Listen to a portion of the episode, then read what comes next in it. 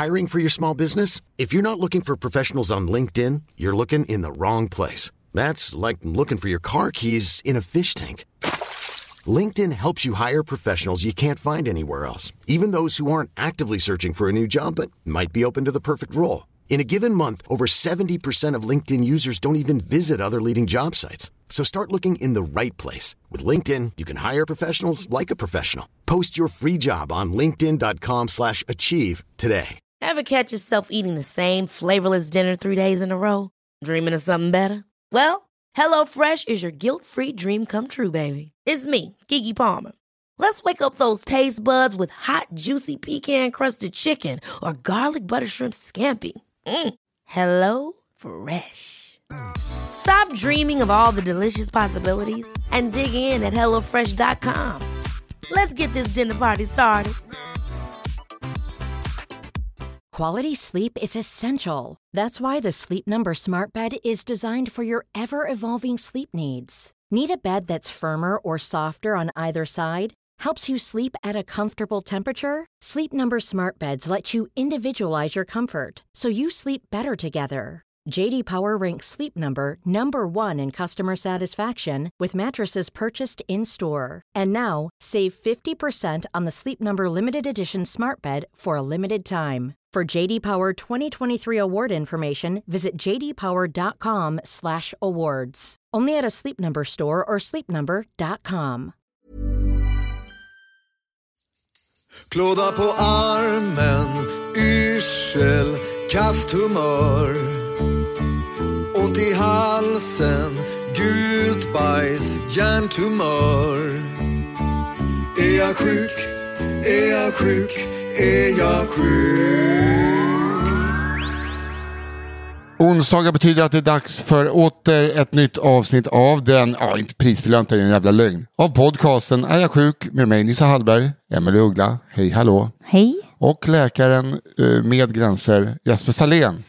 Ja, precis. Eh, Nej, nej, nej, nej. Oh, Nej, nej. Oh, gud vad obehagligt. Nej, ja, vi, hon kliar röven bara. Ja, vår hund bara gled på golvet på rumpan. Det såg så jävla... Det, man blir rädd. ja, ja, jag förstår det. Förlåt.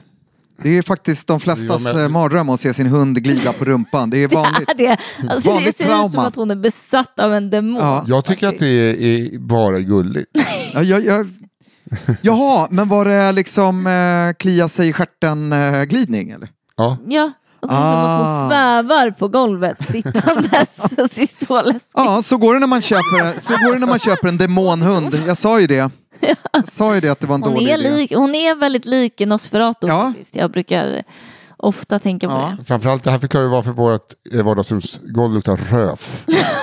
ah, just det. det är, man kan säga att det blir eh, lite betsat. Ja, exakt. Ja. Det kan man verkligen. Och jag, jag tycker nu när hon åker runt så här, läkaren, att det luktar lite stjärt i hela vardagsrummet. Ja, ja, men det gör det luktar nog. liksom en blandning som att man har poppat popcorn med lite bajs i. Men alltså, vi måste desinficera Och här. den gamla goda popcorn-tricket. Ja, Men vad heter det? Och sen vet du ju inte, du kom ju precis hem från Göteborg och du vet ju inte hur mycket Emily har åkt runt på golvet innan. ja vi, vi tänkte ta, ta upp det med dig idag, att det, hon har en jävla klåda. Ja, ja men en lukt precis. faktiskt. Ja. Ja, men det, är, det är något fel med hunden. Men det var det. Ja, Jag har varit i Göteborg och spelat in Postkodmiljonären. Ja. I he- Heta stolen. ja, hur gick det? Nej, det kan du inte säga såklart, förlåt. Nej, det kan jag inte säga, men det går om tre veckor tror jag. Ja. Så Jag ska räkna man, ner dagarna. kan man se. Ja. Och jag kan inte avslöja hur många avsnitt det blir. Det kanske bara blir ett avsnitt. Eh, ja, Eftersom jag, eftersom jag vet att min snart blivande man är ytterst intelligent Ja. så tror jag på att de kommer gå långt. Och eh, jag hade ju en ja, ganska puckad kille som heter Fritte Fritzson vid min sida. Som rent slumpmässigt har vunnit På spåret två år Ja, men eller hur? Ja, alltså eh, jag, fick, ja. jag, jag bar honom på mina axlar. Jag Jag förstår. förstår det. Ädelt. Det, jag tycker om att du tar hand om dem som inte kan tänka lika bra som du. Ja, det är kul att han får vara med. Det är jättekul. Mm. Det är jätteroligt. Men vet du någonting som är kul eh, eh, Jesper? Nej. Att det är många som är med oss här fast vi inte vet om det. Mm. Vad menar du nu? Jag menar Lyssnarna. att vi har lyssnarna med oss. Ja, ja, ja, såklart. Oj. såklart. Jag börjar bli sådär, jag, jag tycker, nu, nu, nu har vi spelat in på distans så mycket så att jag, jag börjar bli liksom, eh, eh, jag tänkte att ni satt jättemånga nu hos er. Nej, Nej, utan Ah, var- jag det var mest att jag försökte segwaya till att vi har ju massa frågor vi ska beta av från Nis, lyssnare. Nisse, jag ska verkligen försöka att eh, sluta förstöra dina segways, för det gör jag rätt ofta. Kan du försöka Förlåt. bara vara lite proffsig? Ja, jag ska försöka. Jag försöker från och med nu. Mm. Tänk att jag är som han eh, snuten som tar sig själv på stort allvar eh, på segway. Lite så. Ja, just det.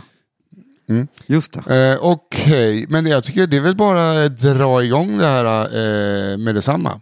Ja, vi, vi gör det. Och, eh, Vi och, river av plåstret bara. ja, eh, och Emily, hon har en fråga här som ligger henne varmt om hjärtat, tror jag, att börja med. Ja. Yeah. Take it away.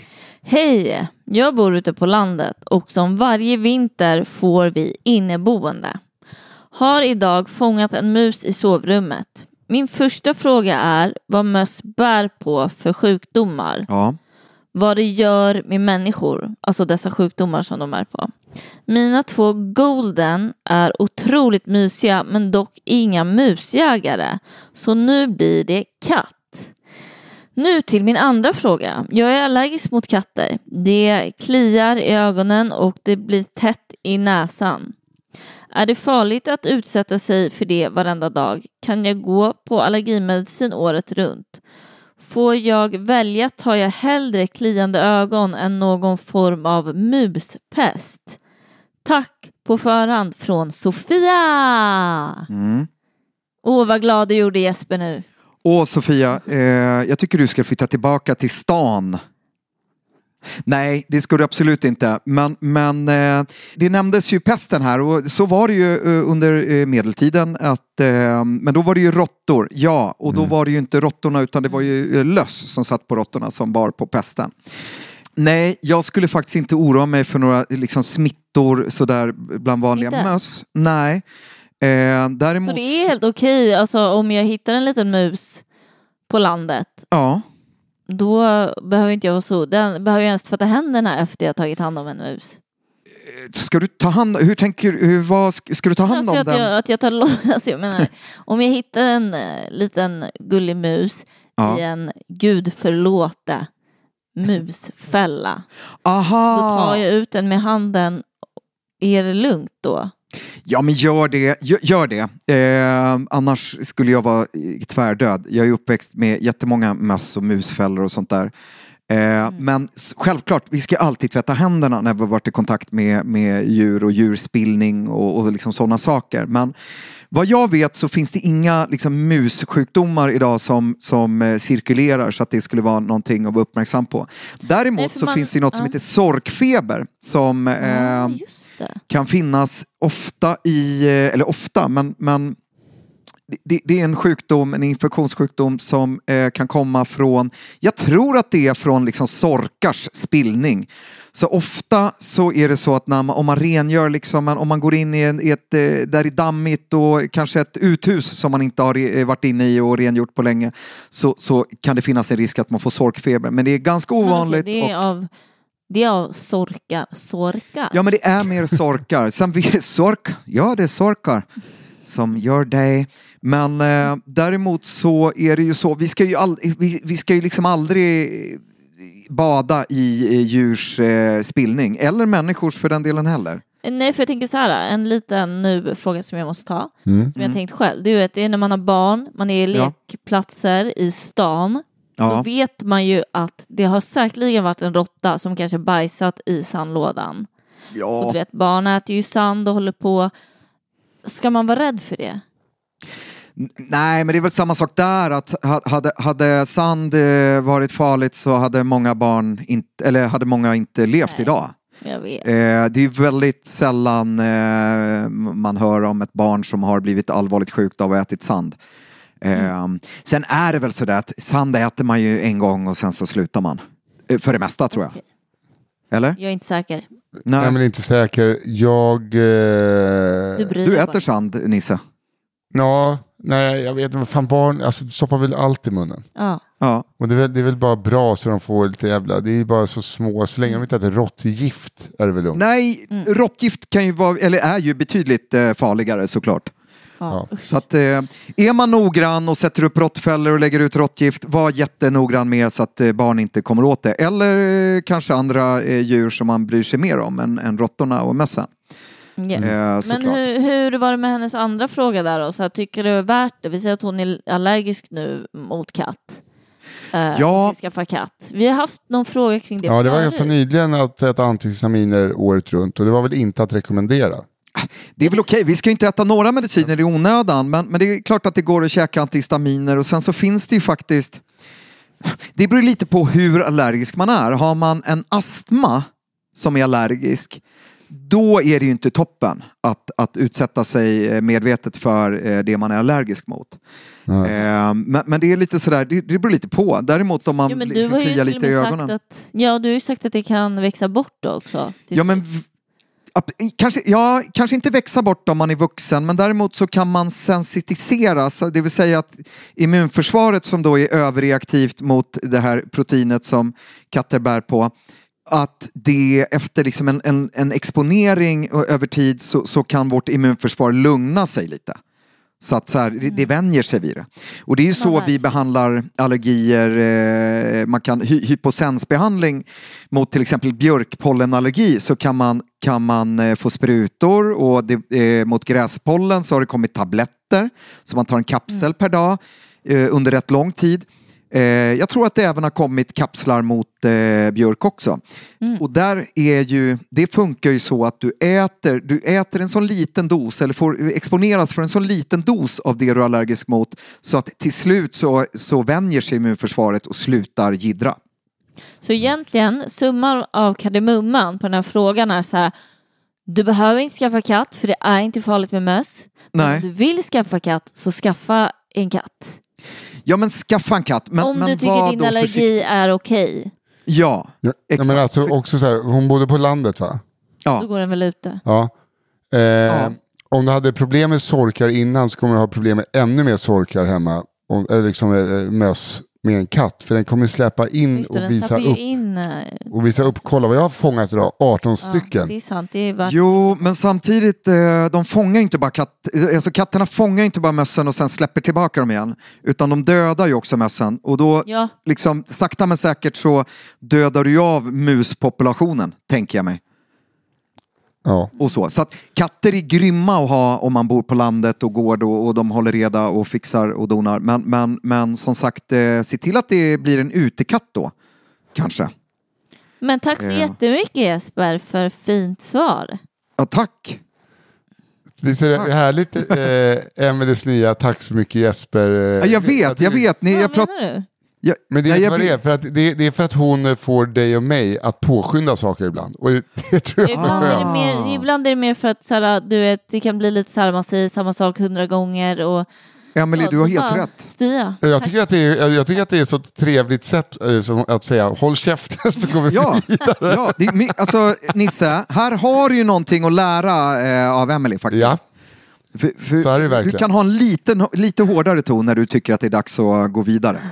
ja. Men, men, vi, vi Eh. tycker om er båda lika mycket. Älskar er lika Hörni. mycket. Ja. Jesper, här kommer min första fråga. Eller Ja. som jag läser upp, det är inte min fråga. Ja. Hello! Och hello. Nyss hittat podden och gud vad jag älskar den. En ny favorit, Smileyface-gubbe. Jag har för lite mer än ett år sedan eh, satt in en spiral. Hade minipiller innan och sedan dess haft sån sjuk huvudvärk till och från. Huvudvärken sitter bara på vänster sida precis vid tinningen. Huvudvärken minskar när jag använder mina terminalglasögon på jobbet, sitter framför datorn. Och när jag dricker mycket vatten. Men vissa dagar har jag nästan som migränsmärtor då det nästan svartnar för vänster öga och jag blir ljus och ljudkänslig. Kan, kan detta bero på spiralen eller inbillar jag mig bara att det kom samtidigt som jag satte in den? Slut på frågan. Slut på frågan.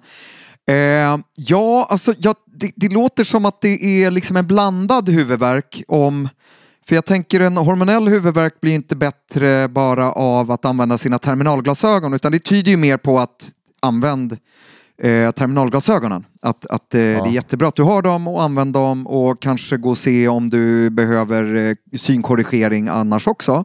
Om det var länge sedan du gjorde en synkontroll. Sen så är det ju så, men jag, tar, jag misstänker att eh, den här spiralen är en sån här hormonspiral som sitter inne. Det brukar vara eh, det vanligaste nästan nu. Eh, och det är klart att om huvudvärken... Inbildning tror jag inte... Det kan, alltså jag, jag, jag tror inte att du inbillar dig utan då kan det vara så att att, att eh, din kropp reagerar på de här hormonerna i spiralen även om det är ganska låga nivåer. För de flesta så brukar eh, hormonspiraler funka väldigt bra och, och, och ge ett jättebra skydd mot oönskad graviditet men, men även kunna hjälpa till vid till exempel om man har symptom vid ägglossning som PMDS och, och humörsvängningar men även Och mycket mens och sånt. Ja, men precis. Det, det, brukar vara, det brukar funka bra, men hos vissa, alltså det är väldigt individuellt. Eh, och hos vissa så eh, kanske det kan ge lite biverkningar och då kan ju, då kan ju huvudvärk eh, säkert vara en av dem. Men jag skulle nog, om, om den här huvudvärken skiftar och beter sig så olika och om det är ett problem eh, och någonting som sänker livskvaliteten så skulle jag nog ändå rekommendera att, att man Eh, träffar en läkare som, som kan eh, nej men orientera och kanske göra, eh, göra sitt jobb och, och se vad det kan vara för huvudvärk. För att är det hormonellt så kanske man ska prata med gynekolog och, och se om man kan prova något annat eh, preventivmedel. Men sen kan det säkert finnas jättemycket inblandning av eh, spänningshuvudvärk, eh, spänningstillstånd, som också kan bidra och ge liksom ensidig, ensidiga symptom. Eh, Men det här med ljus och ljudkänslig, visst, det blir vi ju alla när vi får huvudvärk. Så är det ju inte jättehärligt med höga ljud och starka ljus.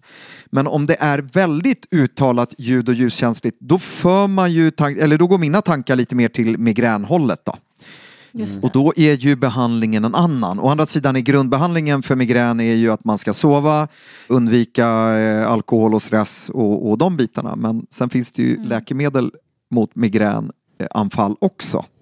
Men det här med att terminalglasögonen funkar för liksom, i- en viss typ av huvudvärk, det betyder ju nog att, att den beror på eh, synfel. Så kan man ju säga. Ja, men jag tycker det låter vettigt. Gå till en läkare och prata också kanske med eh, personen som förde in eh, spiralen. kan man ju också göra. Ja, det brukar vara barnmorskorna och de är är Ja. kanske inte eh, bäst på huvudvärk. Men de är ju väldigt eh, ot- otroligt kunniga när det gäller just eh, biverkningar och, och de bitarna. Så att man kan ju alltid Ja, fråga precis. om, det, om de har hört det förut. Absolut. Mm. Ja, Okej, tack för frågan. Cool. tack. Emily har nästa fråga i sin hand. Yes, då ska vi se. Anonymt! Utropstecken. Efter att Jesper berättade att ryckningar i magen kan bero på ALS har jag haft ryckningar utav bara helvete. Har hälsoångest sedan 20 år tillbaka med fokus på cancer. Men nu helt plötsligt är det ALS som skrämmer skiten ur mig. Hur vanligt är det egentligen med ALS när man är 40 år? Hälsningar J. Hej J. Ehm, Hej. Det står för Jesper. Ja. Mm. Ja. Nej, och det var inte meningen och, och, och eh, den här ALS-historien berättar ju mer eh, en historia liksom om min egen, när jag hade väldigt mycket ångest och oro. Ehm, och eh, jag tror så här, om, om J, om du har hört mig prata om det och sen har du fått det, då tror jag inte att det är ALS utan då kan det mer handla om sådana ryckningar jag hade som eh, berodde på att jag drack för mycket kaffe. Eh, eller att du sover dåligt och sen så eh, att du har blivit väldigt uppmärksam på vad din magmuskulatur gör. Eh, ja, det tror det jag. känns klassiskt. Ja, men, men det var inte meningen att eh, göra dig orolig eller ja, mer orolig eller orolig för något annat. Eh, Hur, allvarlig, eller hur vanligt är det då med ALS när man är i 40-årsåldern? Alltså i 40-årsåldern, jag har liksom inte uppdelat i åldersgrupper, men, men Nej. det är inte, inte alls vanligt i 40-årsåldern. Eh, utan det, det, det är något som blir vanligare med stigande ålder. Men om man säger så här, 6 till 9 personer per 100 000 invånare har ALS i Sverige. Det det är alltså ganska många. Ah, 6 Alltså 6 till till 9 9, så det är personer av en- 100 men det- 000. Ja, så det är en på, Alltså 60. en på 10 till 20 000. Mm, eh, va? Om det är 6 till 9 på 100 000. Säg att det är, 100, vi säger att det är ni- 10 då. Vi säger 10. 6 till 10. Då är det Mm. en på 10 000. En på 10 000, det stämmer bra. I, i, Ja, eh, i det ja, övre en spannet, på ja. 10 till 20 000. Så på en fullsatt Friends Arena så är ja, men alltså det är ganska många tycker jag. Du är tio stycken Ah, på fast- fullsatt Friends Arena. Mm. Det är ju sjukt. Fast, fast, ja, det, jag, det, nej, det, det, det är inte så vanligt. Det här är lite som Once in a Blue Moon från, eh, vad heter den? Eh, den här filmen med Jim Carrey, när de åker, eh, Dum och Dummare. När hon säger så här, I would love you eh, once in a blue moon. Och han bara, so there is a chance. Det är lite så ni tolkar de här siffrorna nu, fast på ett negativt sätt då. För att det är, väldigt, Precis. det är en väldigt obehaglig, det är en väldigt obehaglig sjukdom. Men 6-9 personer per 100 000 invånare är inte så vanligt. Och jag tror att, som sagt, Och Ja. det är ju då överrepresenterat i högre åldrar. Åldrar då. ja men ab- absolut så, så är det inte vanligt. Sen så tyvärr så finns det ju fall där yngre människor än 40 år insjuknar. Eh, men det det vanligaste här är verkligen en någonstans- ångest att prata om tycker jag. Ja men det är, det är ångest. Eh, det är klart det är ångest för det är en hemsk sjukdom. Men den är, Är det, väldigt, är det, väldigt är ovanlig. det, är det liksom ärftligt? Ehm, det finns ärftliga former. Ehm, för det finns lite undergrupper och sånt. Men det är fortfarande, glöm inte hur otroligt ovanlig sjukdomen är. Och någonstans, eh, det vanligaste är väl att folk insjuknar eh, någonstans kring 50 upp till 75. Ja. Så. Ehm, är det någon mer fråga kring det från Nej. er känner jag? Så- Nej, nej, det nej, var- men vi ska inte bara fly undan ut För det. att det, det, är väldigt, eh, det, det är ett väldigt hemskt ämne. eh, Eller ett väldigt otroligt hemskt sjukdom. Eh, Men som sagt väldigt ovanlig. Och eh, det här med ryckningar i magmuskulaturen, det var ju vad jag läste och tolkade in också när jag hade Mm. ryckningar eh, och satt själv i soffan. Jag liksom satt själv och det var tyst runt omkring mig på kvällarna, inte varje kväll. Men, och, och, och då blev det plötsligt, det var inte så att jag satt på dagen eh, när jag gjorde någonting och kände hur min magmuskulatur eh, rörde sig. Eh, och så. Men då tycker jag så här i att du måste ha en bra läkare som du kan bolla de här sakerna med. Som också kan eh, bemöta det och ibland undersöka.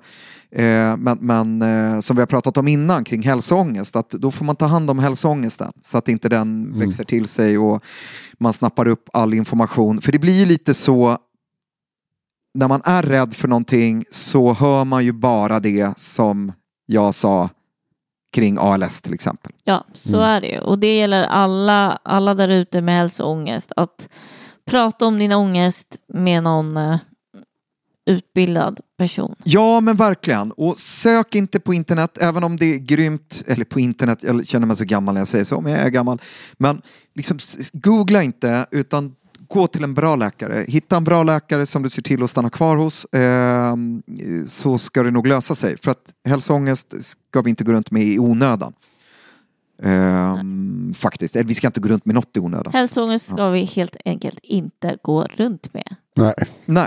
Eh, Tack J för frågan. ja, och tack J för svar. Ja, Varsågod. Hörru du Jesper Ja. Salén, eh, det är dags för en liten lyssnarfråga skulle jag vilja tro. Härligt. alltså Mm. du menar en ljudfråga? Jag menar en ljudfråga, alla är ju lyssnarfrågor. Ja just det, det är sant. Trött idag. Okej. Eh, Eh, vi har en eh, ljudfråga.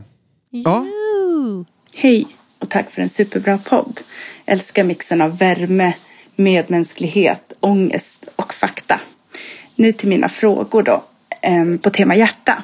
Jag har en vän som tränar mycket och hon har fått höra att det är farligt att träna länge på maxpuls. Stämmer det? Och hur länge kan man i så fall träna på maxpuls? Sen undrar jag också vad det innebär att ha en kort överledningstid i hjärtat. Tack. Ja, eh, tack så jättemycket för frågan. Eh, det handlar då alltså om om det är farligt att träna länge på eh, med maxpuls. Eh, och sen vad det innebär att ha en kort överledningstid eh, i hjärtat. Och om vi börjar med om det är farligt att träna länge på maxpuls. Nej, det skulle jag nog inte säga så länge man får vila emellan. Och jag tror att någonstans så eh, det här med kondition är ju någonting som visar sig självt. Att, jag menar, kan du träna länge på, på maxpuls så kan du. Eh, och om eh, det börjar bli farligt eller så, då kommer kroppen säga ifrån innan. Det här är ju förutsatt att du är frisk och, och så i botten. Sen är inte jag världens mest insatta träningsmänniska, eh, men, men alltså, kroppen sköter sig själv ganska bra och visar när, när, när något inte ska göras längre och så. Och då tar man en liten paus. Ja, men det gör man ju och om inte annat så, tar man, så måste man ta en paus för man orkar inte mer.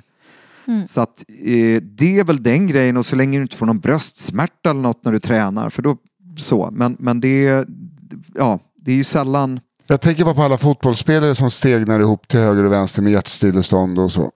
Ja, och alla och alla. Det är, det är väl inte jättevanligt men det blir ofta såklart en, en stor... Det känns ju som att det är vanligare nu än vad det var för 20 år sedan. Jag vet inte om det är vanligare men, men då... Och kanske tränar hårdare nu. Eh, Är det inte också bara det att du, eh, du tillåter inte riktigt eh, idrottsmän att vara sjuka?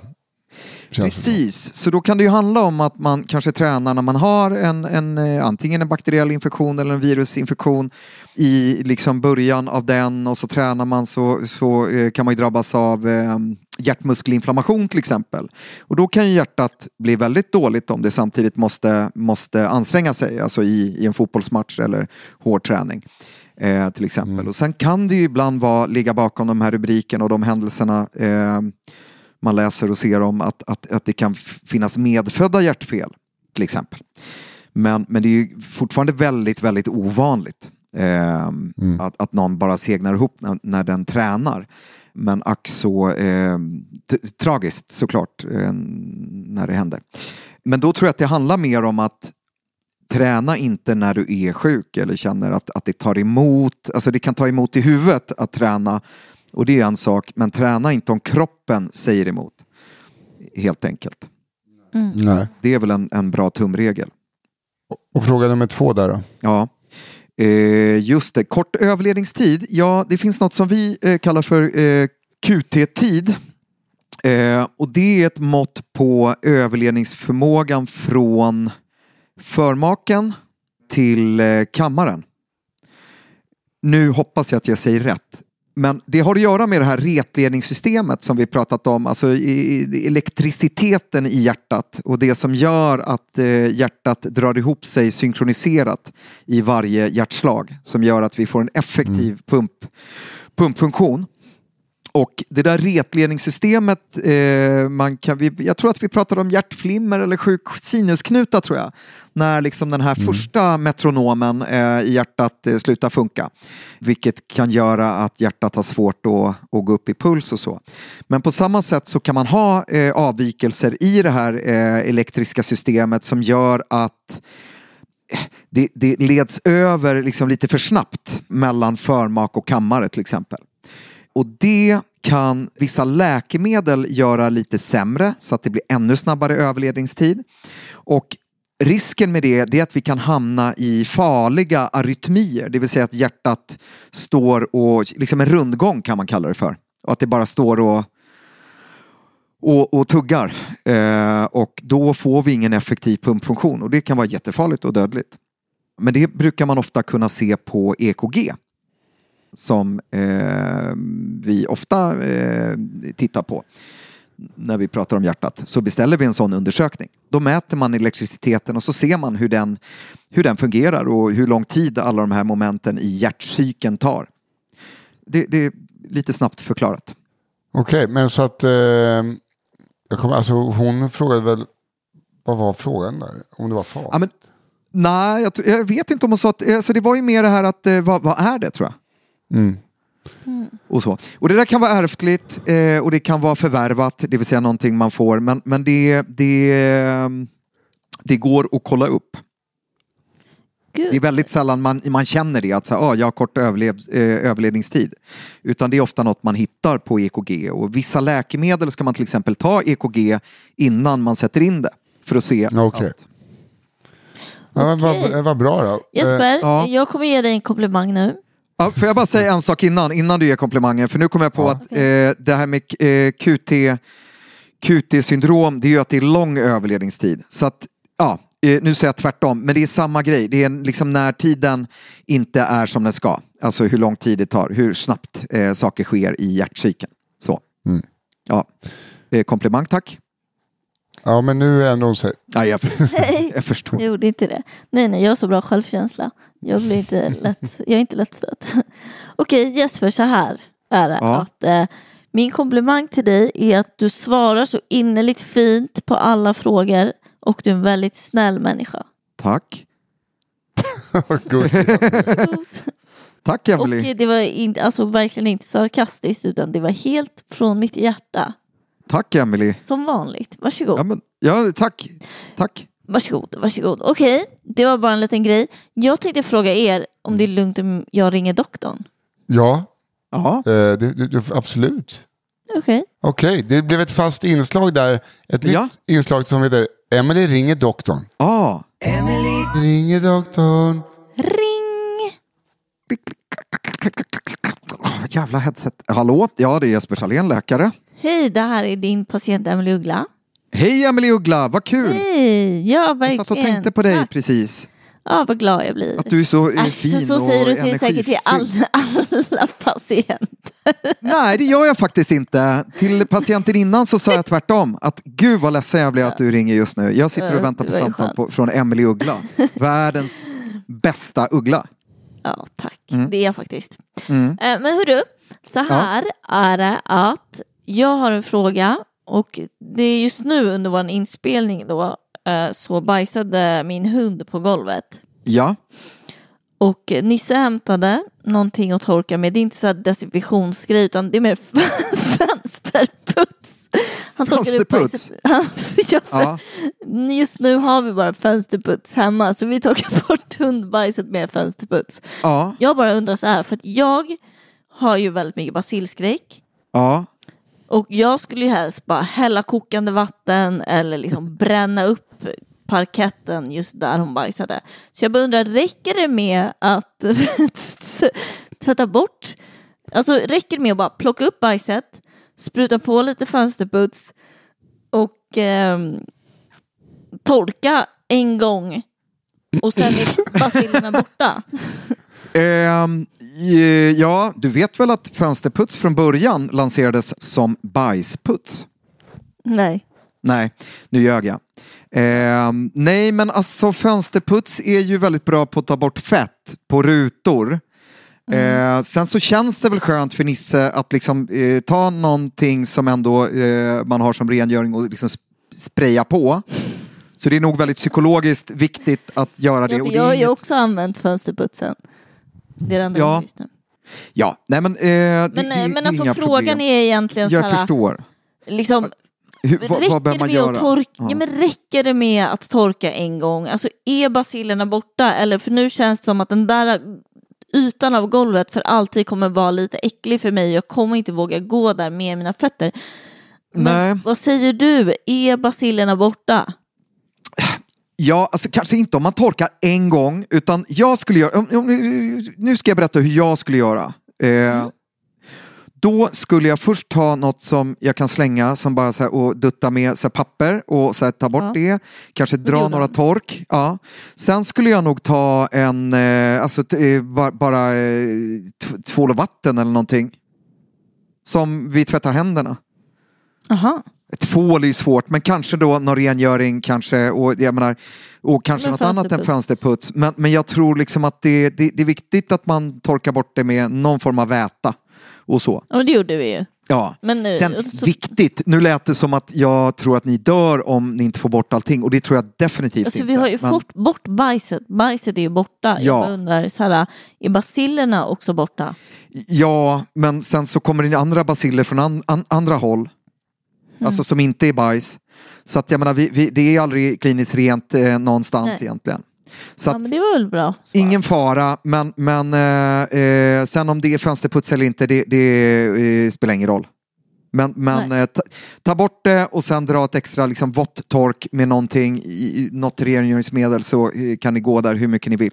Ja, men det var ju det han gjorde. Ja, bra, då har han gjort helt rätt. Hälsa honom Okej, det. bra. Ja. Ja.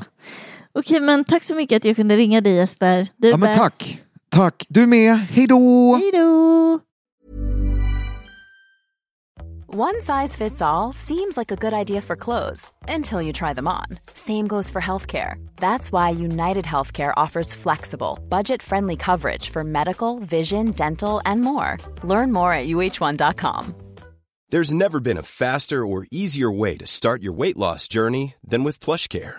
PlushCare accepts most insurance plans and gives you online access to board-certified physicians who can prescribe FDA-approved weight loss medications like Wigovi and Zepbound for those who qualify. Take charge of your health and speak with a board-certified physician about a weight loss plan that's right for you. Get started today at plushcare.com slash weight loss. That's plushcare.com slash weight loss. plushcare.com slash weight loss. Quality sleep is essential. That's why the Sleep Number Smart Bed is designed for your ever evolving sleep needs. Need a bed that's firmer or softer on either side? Helps you sleep at a comfortable temperature? Sleep Number Smart Beds let you individualize your comfort so you sleep better together. JD Power ranks Sleep Number number 1 in customer satisfaction with mattresses purchased in-store. And now, save 50% on the Sleep Number limited edition Smart Bed for a limited time. For JD Power 2023 award information, visit jdpower.com/awards. Only at a Sleep Number store or sleepnumber.com.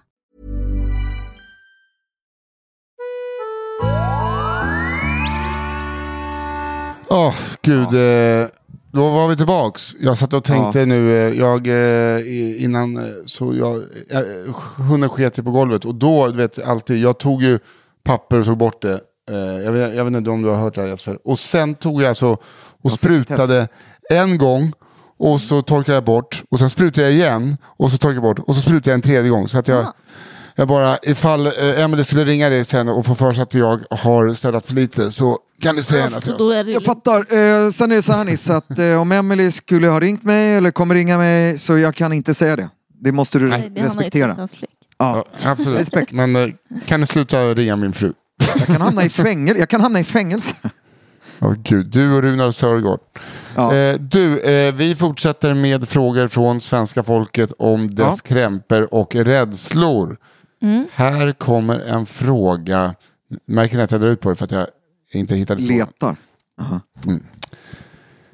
Hej, jag är en kvinna, drygt 30, inga barn, inga sjukdomar jag känner till.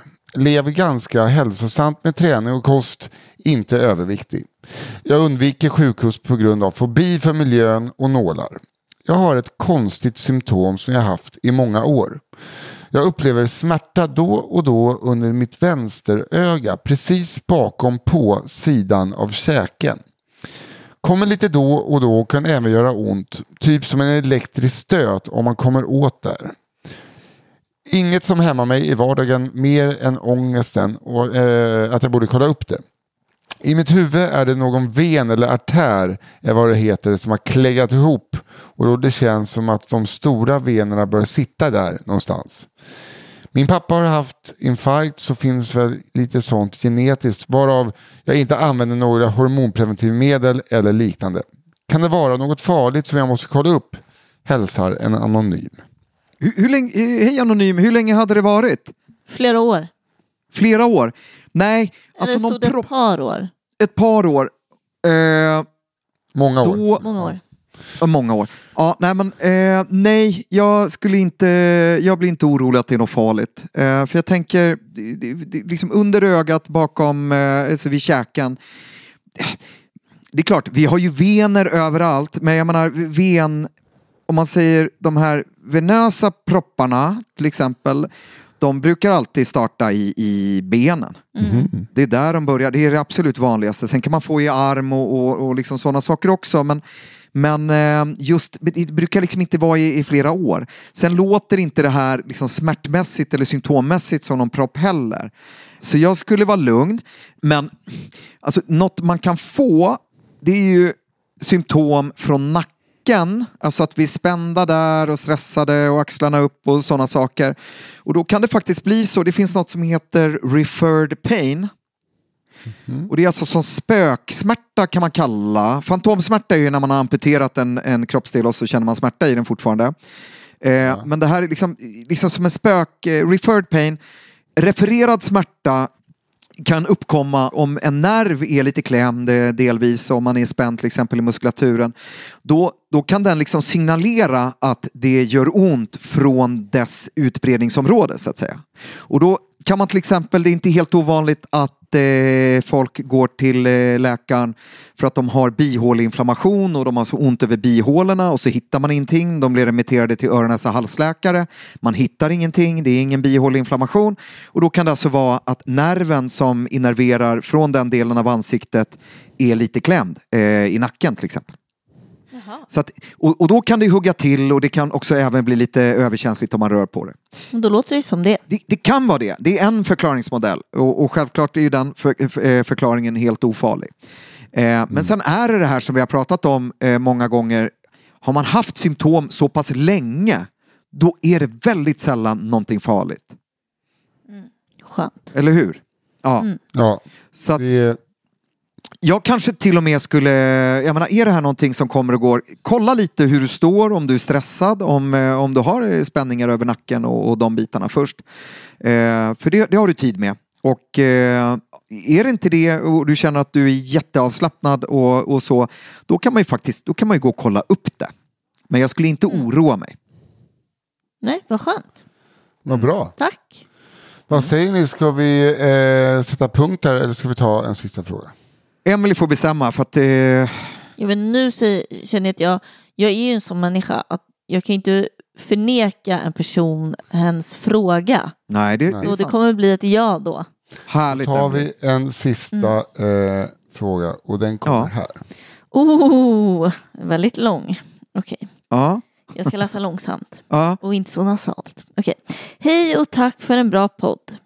Jag är en, för övrigt frisk, men överviktig nykterist. 38-åring med återkommande pankreatiter. Pankreatit, bukspottkörtelinflammation. Okej, hittills fem stycken. Nu räknas det som en kronisk pankreatit. Första gången var det gallstenar som orsakade att jag höll på att stryka med och nu vet man inte vad det beror på. Jag ska snart göra en ERCP och eventuellt sätta stent för att se om de återkommande sjukdomstillfällena avtar. Jag är livrädd. Rädd både för själva ERCPn samt eventuella komplikationer av den. Jag undrar hur en ERCP går till och hur stor risk är det att det triggar igång en ny akut pankreatit. Jag undrar även om vad jag kan förvänta mig för komplikationer av den kroniska pankreatiten, till exempel diabetes, bukspottkörtelcancer och så vidare. Jag är som sagt livrädd för att jag ska bli väldigt sjuk och dö och gå runt med mycket tankar och ångest på grund av detta. Jag skulle vara tacksam för svar, hjärta. Det skulle också vara intressant om ni hade ett helt avsnitt, ja, så ni ser inte mer, men det är nog om detta, Mm. eh, antar jag bara. Jag, Nej, se vänta. Mhm. Ett, ett avsnitt om bukspottkörteln. Puss och kram anonym. ja, fint. Mm. Ja, Yes. det, eh, det skulle behövas ett avsnitt just för att det, det, ja, det, det, det var, det var eh, stora frågor men jag förstår att, att det, det här leder till mycket oro. Och eh, pankreatit, det vill säga inflammation i bukspottkörteln, är, är väldigt allvarligt. Självklart är den akuta pankreatiten som frågeskrivaren hade mm, drabbats av i samband med gallsten. För det är nämligen så här att pankreas, bukspottkörteln, den har ju, dels har den en endokrin del och det är den som producerar insulin och, och, och, och, och insulin och, de, och glukagon och lite hormoner och sånt som, som eh, går in i blodet och styr vår kropp. Eh, men sen har den en exokrin del och det är den som går in i tarmen bukspottet som hjälper till att bryta ner eh, eller spjälka eh, fetter, proteiner och så så att vi kan ta upp det i tunntarmen. Eh, sönder, ja, eh, finfördela maten helt enkelt och alla, eh, allt innehåll. Och det som händer är att eh, bukspottkörtelns utförsgång mynnar tillsammans, den går liksom ihop med gallvägarna. Så att de har en gemensam, in, alltså när, när eh, Gall, gallan kommer ju från gallblåsan och det produceras i levern och lagras i gallblåsan och sen rinner den ner eh, och sen ansluter bukspottkörtelns eh, gång. Så att de har en gemensam. Det vill säga att får du en gallsten som fastnar långt bort i den här gemensamma gången, då blir det liksom stopp både för gallan men också för bukspottet. Och då kan Men, du få en eh, bukspottkörtelinflammation. Kan gallsten ha någonting med bukspottkörteln att göra? Eh, Ja, men precis. För de, de delar nämligen, de, de, de mynnar liksom i, i, de delar utförsgång in i tarmen, om man säger så. Mm, okej. Eh, så att, och de sitter ganska nära varandra. Men, men framförallt så är det så att får du en gallsten som sitter i vägen långt ner så att, som blockerar både för bukspottet och för gallan, då kan du få en bukspottkörtelinflammation. För att de här enzymerna i bukspottet som ska finfördela eh, protein och fetter, de kan ge sig på eh, vår egen vävnad också. Mm, och varför, skulle det vara fa- varför är det farligt med en bukspottkörtelinflammation? Vad, så, vad Ja, kan men- hända? Därför att eh, du, du kan eh, dö av den för att du, det blir en sån kraftig inflammation.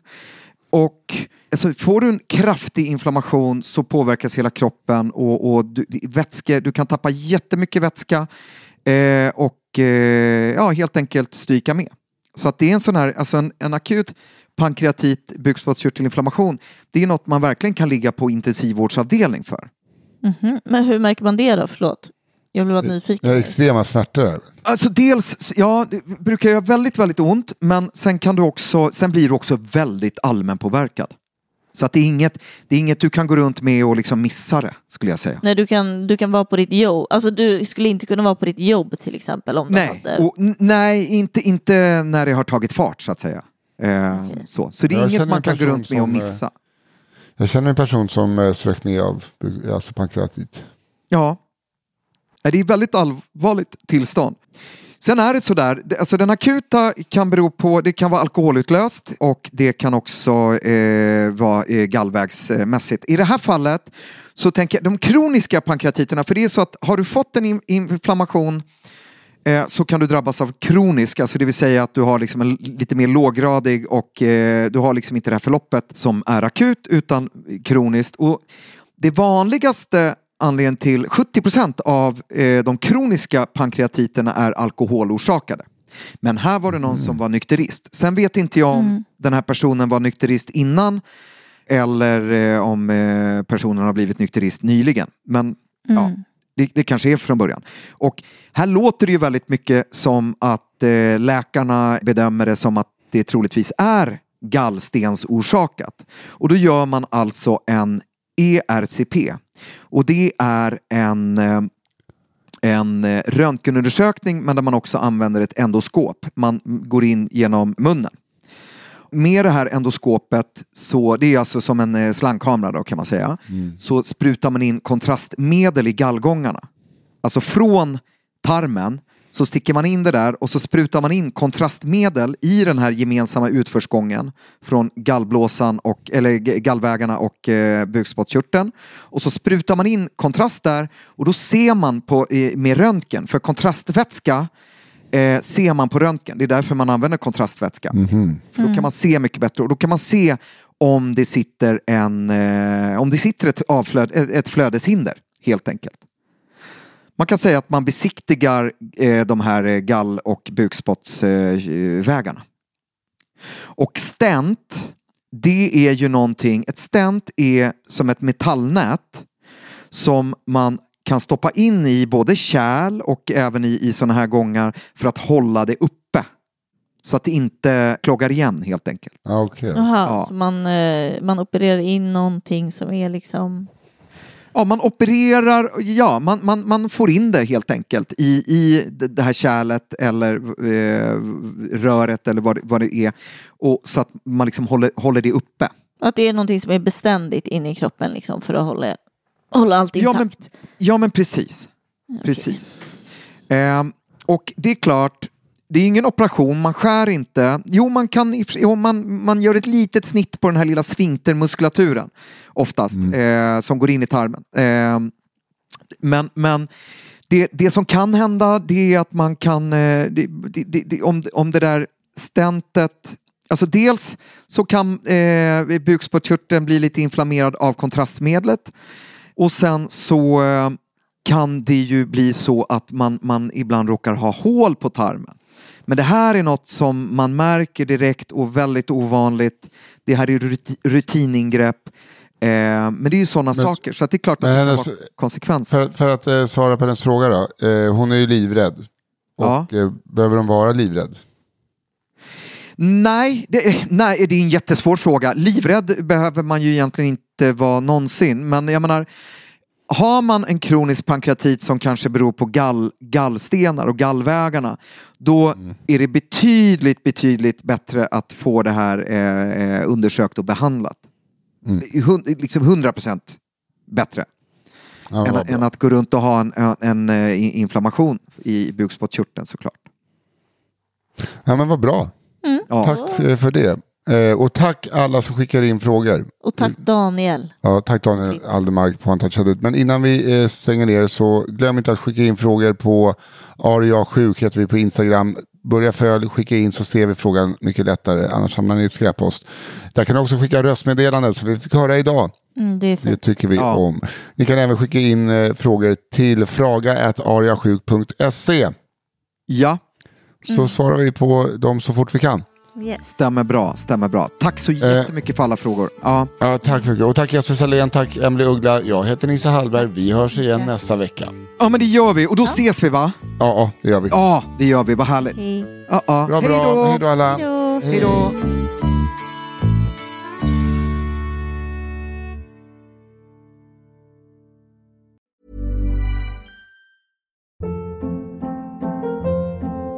Hold up. What was that? Boring. No flavor. That was as bad as those leftovers you ate all week. Kiki Palmer here, and it's time to say hello to something fresh and guilt-free. Hello Fresh. Jazz up dinner with pecan-crusted chicken or garlic butter shrimp scampi. Now that's music to my mouth. Hello Fresh. Let's get this dinner party started. Discover all the delicious possibilities at hellofresh.com.